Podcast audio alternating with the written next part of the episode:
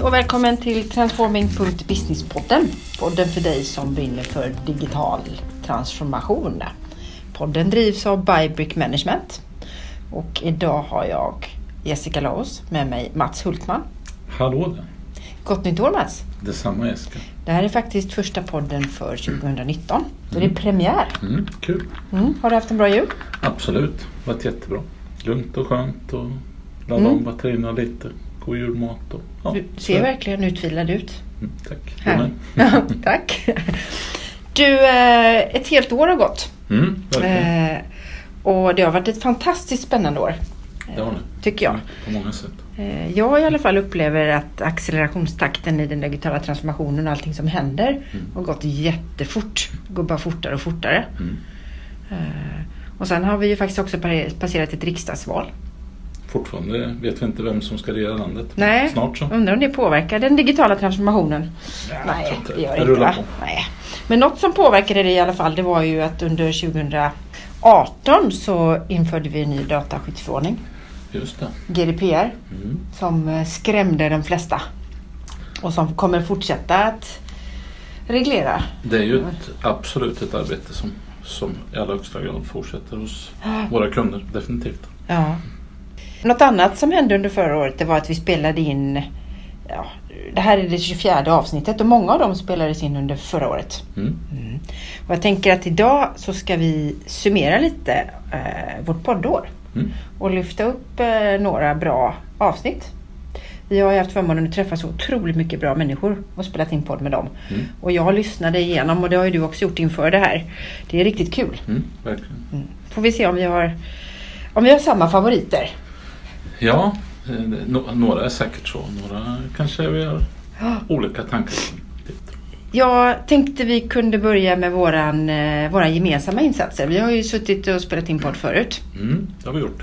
Eh, Och vi började under våren när vi spelade in podd baserad på en bok av Maria Andevin och Joakim Jansson. Just det. Att leda digital transformation. Mm, jättekul. Och, ja, men intressant. Jag har dessutom fått förmånen att gå kurs och bli certifierad i deras modell för att driva digital transformation. Så jättekul. Eh, väldigt givande eh, och många nya kontakter med människor som, som brinner för samma sak.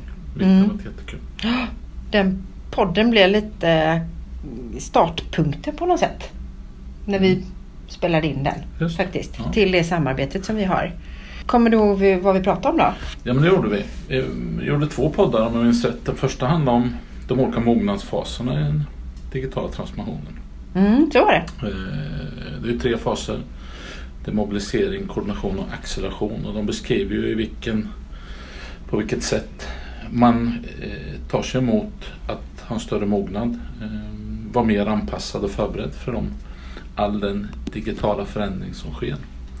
Eh, så mobiliseringsfasen är den första där man väldigt mycket ägnar sig åt att lära sig och förstå eh, vad, vilka möjligheter finns och hur ser vår omvärld ut och vad finns det för nya möjligheter och initiativ och skapa en strategi kring det. Mm. Eh, koordina- Koordinationsfasen, då har vi kommit en bit på resan och behöver börja titta på hur vår befintliga verksamhet faktiskt ska koordineras med de, alla de, de digitala kanske initiativ man, man har startat på olika håll. Eh, kanske den fasen som, som eh, knepigast på Mm. det sättet att det kräver, det kräver att vi får samverkan i, i verksamheten. Och i accelerationsfasen då har vi nått den mognadsnivån som gör att vi hela tiden kan anpassa oss. Vi är förberedda och vi har, har de olika motorerna igång och på plats för att, att kunna vara, eh, vara framgångsrik och konkurrenskraftig i den digitala transformationen. Just det, för de motorerna, nio stycken var det va? Det Mm. var avsnitt nummer två som vi gjorde Precis. i den serien. Mm, stämmer. Eh, och du har säkert dem, de kan du också? Som ett rinnande vatten förmodligen. Självklart, eller hur? Nej, men det är ju det är ju nio olika spår som man måste jobba med kan man kalla det. Eh, drivkrafter i, som handlar om först och främst vilka värderingar och vision och mission man har. Hur, hur vi som verksamhet ser på oss själva och fungerar. Eh, det är vårt strategiarbete, så vi jobbar med våra strategier och, Mm. och planer för att, att förflytta vår verksamhet framåt. Det är vår organisation och kultur och hur vi ska vara uppsatta på rätt sätt för att fungera. Det handlar om processer ja, naturligtvis. Hur vi har en effektivitet och en digitaliseringsgrad som gör att vi kan, kan driva våra processer på ett bra sätt. Det är vår infrastruktur, Mm. IT och allt det som behöver finnas på plats för att kunna stödja digitala transformationen. Ehm, Det handlar mycket om dataanalys. Det är jätteviktigt att någonstans inte bara kunna ha tillgång till data utan också kunna förstå och analysera Använder den den. data vi har och använda den på rätt sätt. Och sen så är det de här bitarna som handlar om våra kunder och erbjudande, hur vår affärs och intäktsmodell ska se ut framåt, kanske på ett helt annat sätt.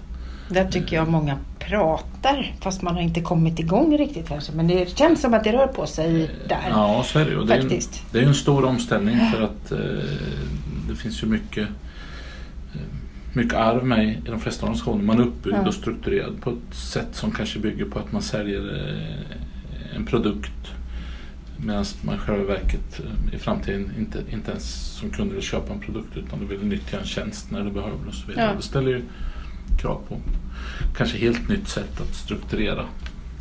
Ehm, och sen till sist så handlar det om våra kontaktytor och relationer med våra kunder då, eh, i den digitala världen. Hur vi hela tiden jobbar med omnichannel-tänk och, och hela tiden förstår var vi eh, har kontakter och relationer med, med våra kunder för att kunna vara relevant och konkurrenskraftig. Möter dem där de är. Mm, precis.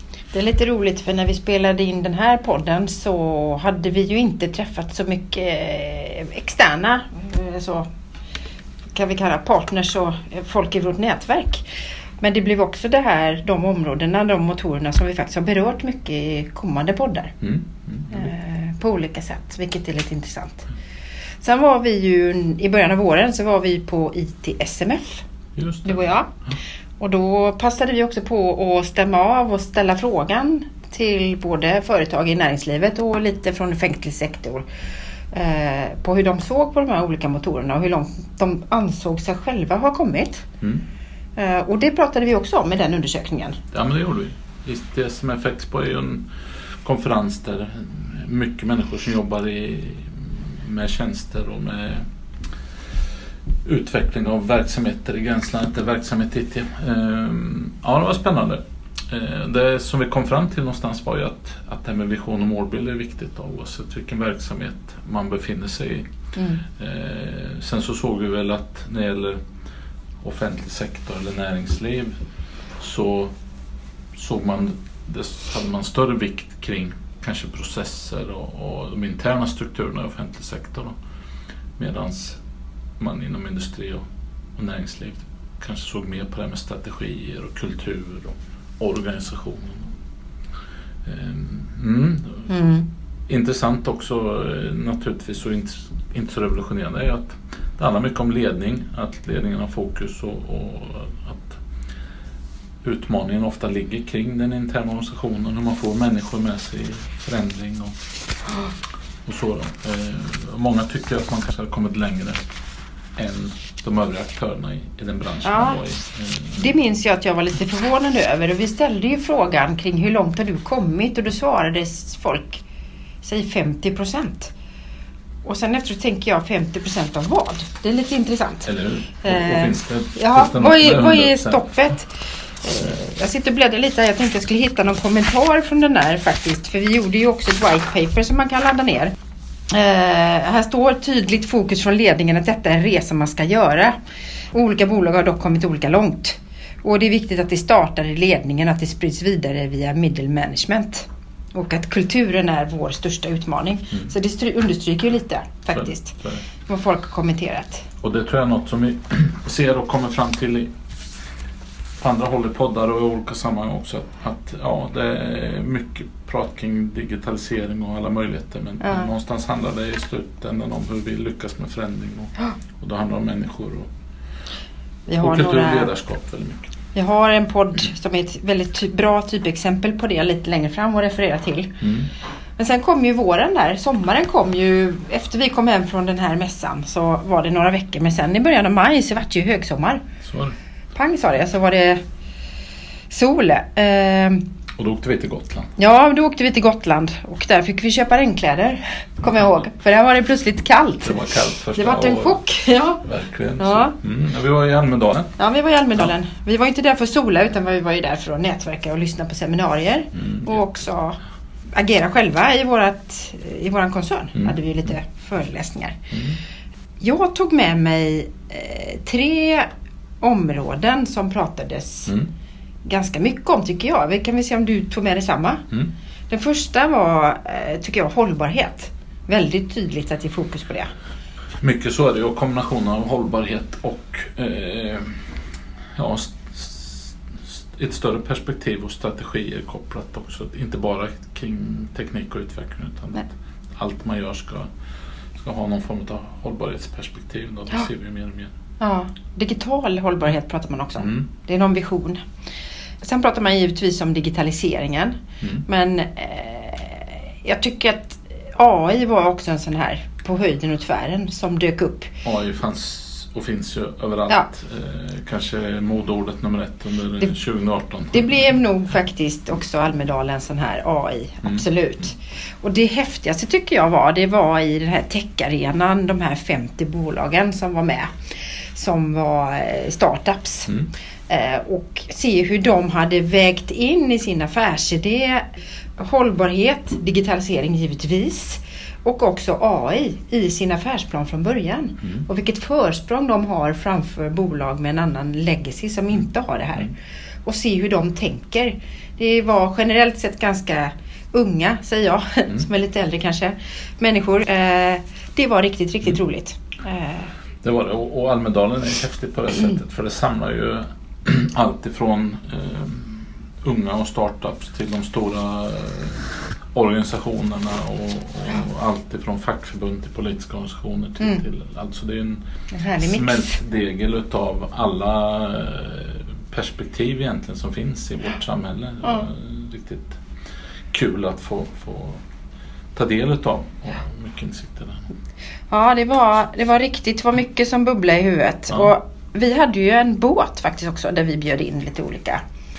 Vi hade ju, Bybrick hade en båt i hamnen och där bestämde jag ju träff med Marie Andervin som har skrivit boken Mm. som vi refererade till i, i tidigare poddar. Och intervjua henne eh, och hon berättade bland annat varför hon har landat där hon har landat. Mm. För när hon började sin karriär så fanns det ju inte någonting som hette digital transformation där. Det var inte så att hon tänkte för 20 år sedan att jag ska nog jobba med digital transformation i stora globala bolag. Utan det är någonting som har växt fram. Och, hon pratade också om varför de gjorde det här. Det var att de ville belägga tesen om digital mognad. Mm. Och att ju högre digital mognad man har i ett bolag, ju mer konkurrenskraftig är man. Och är det så? Och då vill de utgå från en spread på svenska bolag och inte från de här stora för ett Google, alla kan inte vara ett Google. Det är inte det som är referensramen. Och hon pratar kring det. Och att de då valde ut bolag, eh, lite mindre bolag till lite större bolag för att få olika resor i den här boken. Mm. Eh, Och att de kopplade den akademiska nivån till faktiskt det som sker. Och det tycker jag också är bra med den här boken om man tittar på den.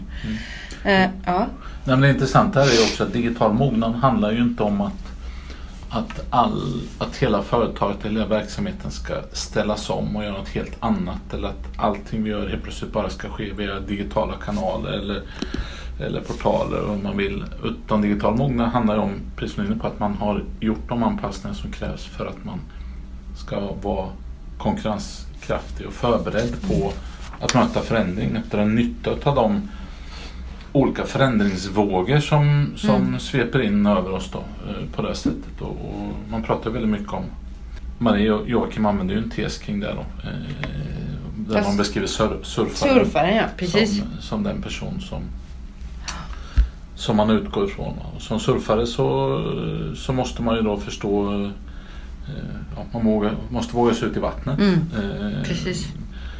Oavsett hur bra eller dålig man är så måste man ut och, och paddla för att lära sig. Då, eh, Och oavsett hur de- fin bräda man har, om du inte går i vattnet så kan du inte använda brädan. Det Nej, tycker jag är nej, häftigt. nej. Och sen handlar det om att förstå de vågor som kommer då. Ehm, för det är ju så att det dyker upp nya initiativ, nya möjligheter. Man pratar AI, man pratar annat. Ehm, och det gäller då att förstå vilka vågor kan vi dra nytta av? Vilka Mm. vågor kan förändra och utveckla vår verksamhet så vi blir mer kanske konkurrenskraftiga eller effektiva eller vad det nu handlar om. Då. Eh, Och det tredje är att när den vågen kommer då, så, så, så gäller det att våga surfa på den och dra nytta på den så långt som möjligt. Mm. Så att man, man eh, hela tiden flyttar sig framåt och sen så får man ju se som efter nya vågor. Då. Och här är det ju viktigt om man då ska jämföra det och applicera detta på en verksamhet. För hon säger att man ska speja mot horisonten. Mm. Och det tänker jag är lite att du måste ha, göra omvärldsbevakning och göra din strategi så du vet vart du ska. Mm. Så att du inte slumpmässigt väljer en våg. Nej, men Eh, precis. utan att du, du vet vart du ska. Mm. Sen pratar hon också om att man måste skapa en sense of urgency i bolaget. Att det här är viktigt. Det är någonting vi måste ta på allvar. Mm. Både uppifrån och ner. Och det stärker ju lite det som, som undersökningen säger.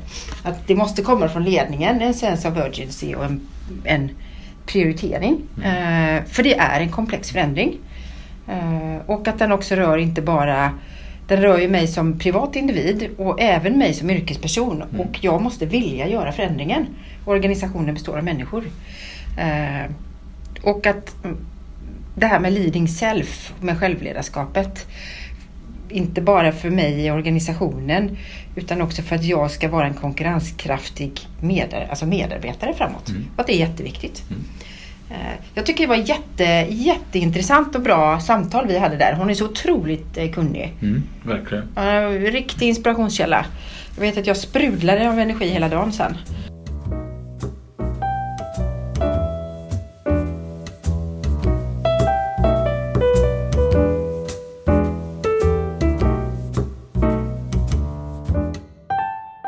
Vad hände efter Almedalen då?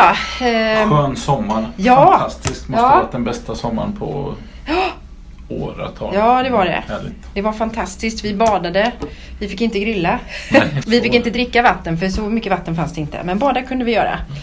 Eh, och äta glass. Eh, och sen faktiskt redan första dagen efter min semester så hade jag bestämt träff med en, eh, ytterligare en fantastisk kille. Så jag gjorde en rivstart och träffade Mm? Jonas, Jonas Hammarberg. Mm. Han har ju skrivit eh, en bok som heter Get Digital or Die Trying. Jag brukar säga try dying men det är inte det utan die trying. Eh, och vi pratade mycket om människans roll Mm. i, i den digitala transformationen. Och att det verkligen har blivit ett fokus. Mm. Återigen kopplat till de olika motorerna här. Och först så pratar man ju om teknik, teknik, teknik. Men sen så verkar de flesta ha förstått att det spelar ingen roll om du har den fina tekniken Mm. eller den fina surfingbrädan. Om du inte får med dig människorna. Och han, eh, Jonas är ju ett otroligt energiknippa. Eh, Så har ni inte lyssnat på den podden så, så hoppa in och gör det. Verkligen. Mm. Jätteintressant. Sen har ju Ronald gjort en del också. Vår konsult, vår kollega Ronald. Ja, för- precis. Han har ju, eh, kopplar ju an till det här och pratar kring kultur och värderingsstyrda organisationer. Mm. Och det har han gjort tillsammans med Johan Bäckman. Just. Som också har varit en kollega, eller hur? Precis, och Johan är ju en fantastiskt duktig kille som jobbar med ledarskap och coachar människor och organisationer kring det. Eh, Så jätteduktig och, och precis som vi var inne på då. Vi har redan konstaterat att det är ledarskap och kultur som är otroligt viktigt. Kanske det viktigaste av allt för man ska klara av den här förändringsresan digitalisera verksamheten. Mm. Eh, Ja, de pratar mycket om, om både de synliga och icke synliga aspekterna då, hos människor och organisation. Mm. Eh, Sånt som är synligt är såklart beteenden och kommunikationssätt och våra kompetenser. Medan de osynliga handlar kanske mer om tankar och åsikter och, och också kanske sånt som Sånt som, eh, ja, som man inte märker men, men som finns där under ytan. Underbyggande värderingar. li- Precis. Det är lite som ett, som ett träd man beskriver. Ja, just det. Där, där eh, det som är synligt är, är, är kronan och, och Mm. på trädet. Och det som är osynligt är rötterna. Det som är så intressant i det, det är ju att man beskriver också att det är faktiskt rötterna som föder trädet. Mm. Så att trädet blir ju så som rötterna är. Mm. Och att det är viktigt att ha koll på det. Eh, Och styra på värderingar för att komma dit man vill. Jag tycker det är också väldigt bra eh, avsnitt. Det är ju tre delar. I något av det så pratar de ju om de olika personlighetstyperna som man är. Och det är den entreprenöriella som är drar nytta av möjligheter och är tillitsfull och villig att ändra sig. Och sen så har du innovativa. Det, de är modiga och bjuder in till frigörelse från rädslor och så där, Tänker utanför boxen och vågar. Och sen är det de konservativa Mm. som är mer rädslodrivna. Och som, eh, de vill gärna hålla fast i det förflutna och återskapa det och det var bättre förr. Eh, Och beklaga sig och skylla på andra. Det var lite roligt att lyssna på tycker jag för någonstans så ser man ju olika personligheter som man har jobbat med framför sig. Just. Vad såg du mig? ja, vad såg jag dig? Jag funderar lite på om vi ska hoppa tillbaka bara kort upp till Jonas där för vi var aldrig riktigt eh, jag, jag tycker att det är en sak som är viktig som vi kan lyfta in här. Mm. Det är att man måste koppla greppet om varandra och samverka. Mm.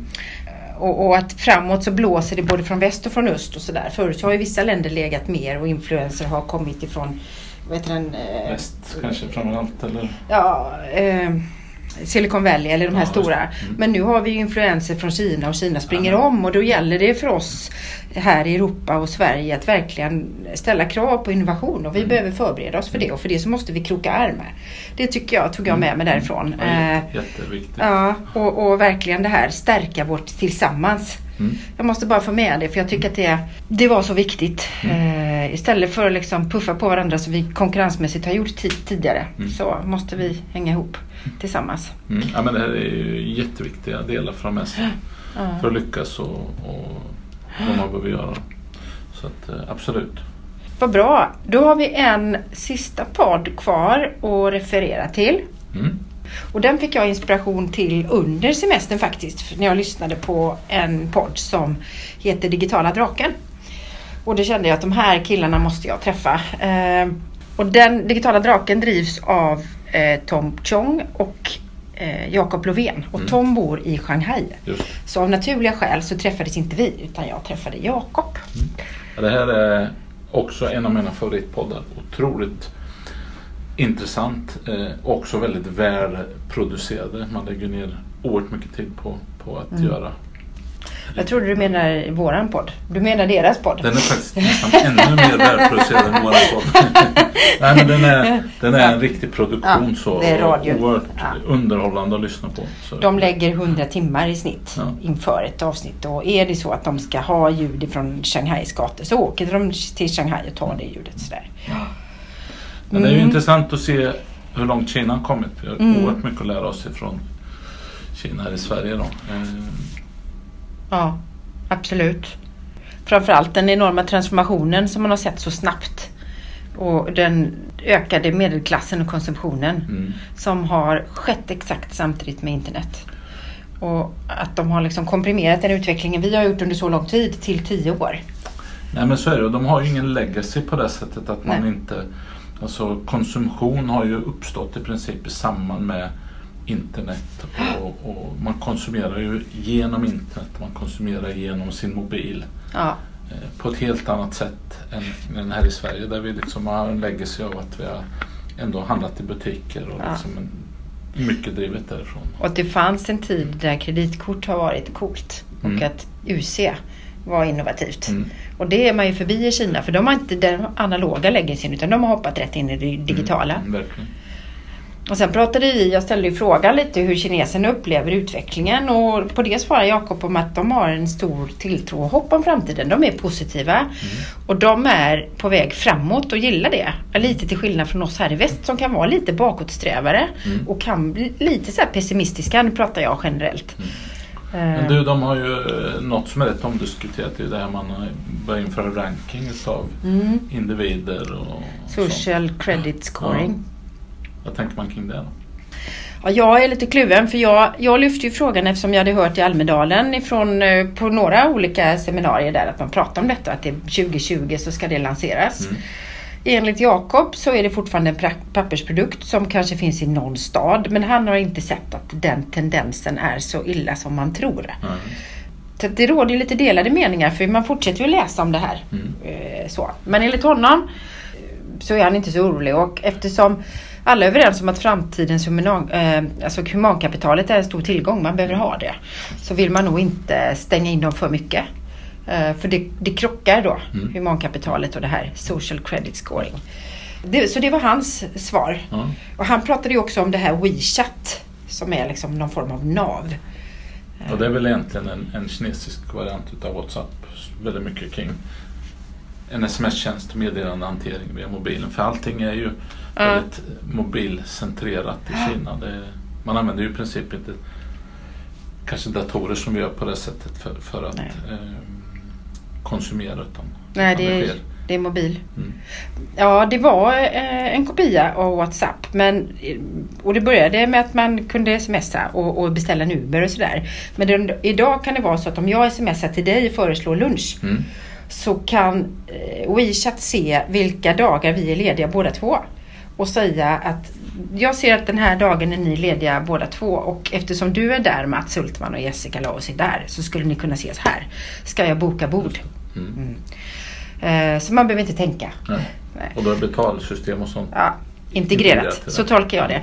Och de har då 35% av time spend av mobiltid. Mm. Och då ska vi tänka att 35% time spend av mobiltid i Kina är mycket mer än vad vi har. Mm. Så att eh, otroligt eh, spännande. Mm. Eh, och det är också en av de delarna som han tror är en trend framåt.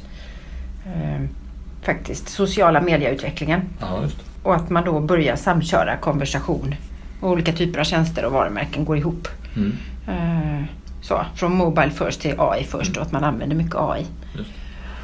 Jag tänker också på att Alibaba är ju vuxet och är ju extremt stort och, och drivande vilket är en annan trend här kring det med e-handel och betalning och leverans och det växer ihop. Eh, Ja. Man äger man har finanssystem och man, har, man äger liksom hela kedjan med Mm.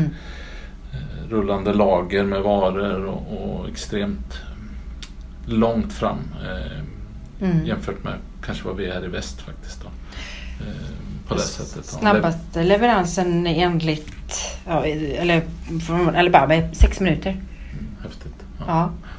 Sen har vi det perspektivet med financial technology också, då med credit scoring och att man Mm. inte överhuvudtaget de flesta kineser har inte ens en relation med en bank utan, utan man, där, även där har ju, har ju Alibaba och, och den typen av företag klivit in med Alipay som, som är liksom hela, Mm. hela tjänsten med din mobila plånbok där du kan fondspara och sköta hela din ekonomi och koppla till din scoring för hur, hur du har handlat och, och så vidare. Så man har ju en helt annan bild av sina Eftersom man inte har de, de klassiska scoringen som vi har här med Nej. inkomst, Nej. inkomstuppgifter och vilka tillgångar och så vidare.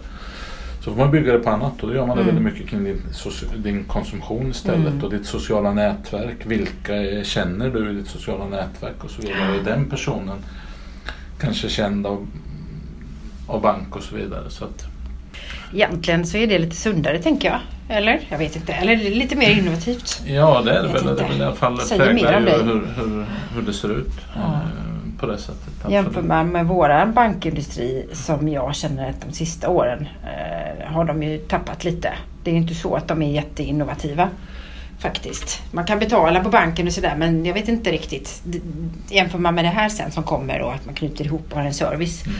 Så tror jag att vi kommer se mycket stora förändringar framåt. Det är också en av de sakerna som han trycker på. Eh, som topp tre trender. Mm. Ja du. Det är mycket klokskap som vi ändå har kokat ner i våra poddar nu. Ja men det är det. Vad tror du om året som kommer då? Ja, det är intressant vad som händer. Jag tänker, med, tänker på, på en, en snackis som har varit här under året. Det är ju när Amazon kommer till Sverige. Ja. Ehm, nu gick ju Amazon alldeles veckan innan jul här ut med en nyhet som drog på stort i, i Mm. alla medier där man trodde att de skulle göra det. Men eh, nu handlar det mer om att man etablerar sina Amazon Web Services Mm. i Sverige och det är ju kanske ett första steg på det. Då. Men, men den kommer ju definitivt skapa eh, nya, en ny spelplan för e-handel i, i Sverige den det. dagen de kommer och det gör de absolut. Och jag tyckte innan jul att man läste mycket redan nu om att butiker, alltså vanliga butiker har det tufft. Så det. Så att eh, vi kommer se fortsatt utveckling. Ja. Sen tror jag vi kommer se fortsatt, heter det regulationer, men alltså regleringar kring GDPR och det här Privacy by design och att vi, och det kommer ju integrera tror jag också hur man använder mobilen på något sätt. Och dela bilder. Eh, det kommer ju en upphovsrättsförändring här. Att du inte får dela med dig av bilder och så på samma sätt. Integritet och hållbarhet tror jag fortsatt Ja. kommer att vara Ja. jättehett under 2019. Och kommunikation via mobilen kommer att öka. Mm. Och Sen har, har vi våra kunder. Många av våra kunder är ju bil och Mm. fordonsindustrin. Mm. Och här sker också en jättesnabb omställning Mm. både till, till eh, elbilar och fokus på självkörande fordon som jag visserligen pratat om i ganska länge men nu, nu, nu händer det ju mycket och Volvo exempelvis säger att man 2020 här kommer att ha teknologier på plats för att kunna, kunna stödja det. Då. Ehm, Och såklart förändring utav hur vi köper eh, bilar och sånt eh, mm, på olika sätt. Eh, Care by Volvo är senaste nu helt nytt mm, Volvo där du inte köper en bil längre utan du köper tjänsten att ha tillgång till Mm. bil och du kan byta mycket mer frekvent och inte ha ett ägande. Göteborg är ju faktiskt en häftig stad att vara i där. Stevt etablerar flera kontor och Volvo jobbar här och Wireless Car som nu blev innan jul sålda. Mm. Eh, jag har inte hängt med exakt i vad som har hänt sedan dess men eh, det är ju lite eh, automotive mecka i, om man tittar i Sverige i alla fall. Jajamän, Eh, hur mycket som Ja, helst. Det är jättecoolt. Mm, spännande. Och eh, även innan jul så fick ju Nevs igenom eh, något avtal med Kina. Så vi kommer ju se, vi kommer se stora förändringar, det tror jag. Det kommer att finnas massor som vi kan skapa nya poddar. Ja, vad kul! 24 poddar till framåt här. Mm. Mm. Men då så, det var väl det va? Det var det. Ja, Då ett helt önskar nytt vi år. bara god fortsättning på nya året. Och Ja. så hörs vi framåt i, i nya spännande poddar ifrån, ifrån Transforming Business. Det ska bli kul. Ja, det ser jag också fram emot jättemycket. Tack och hej!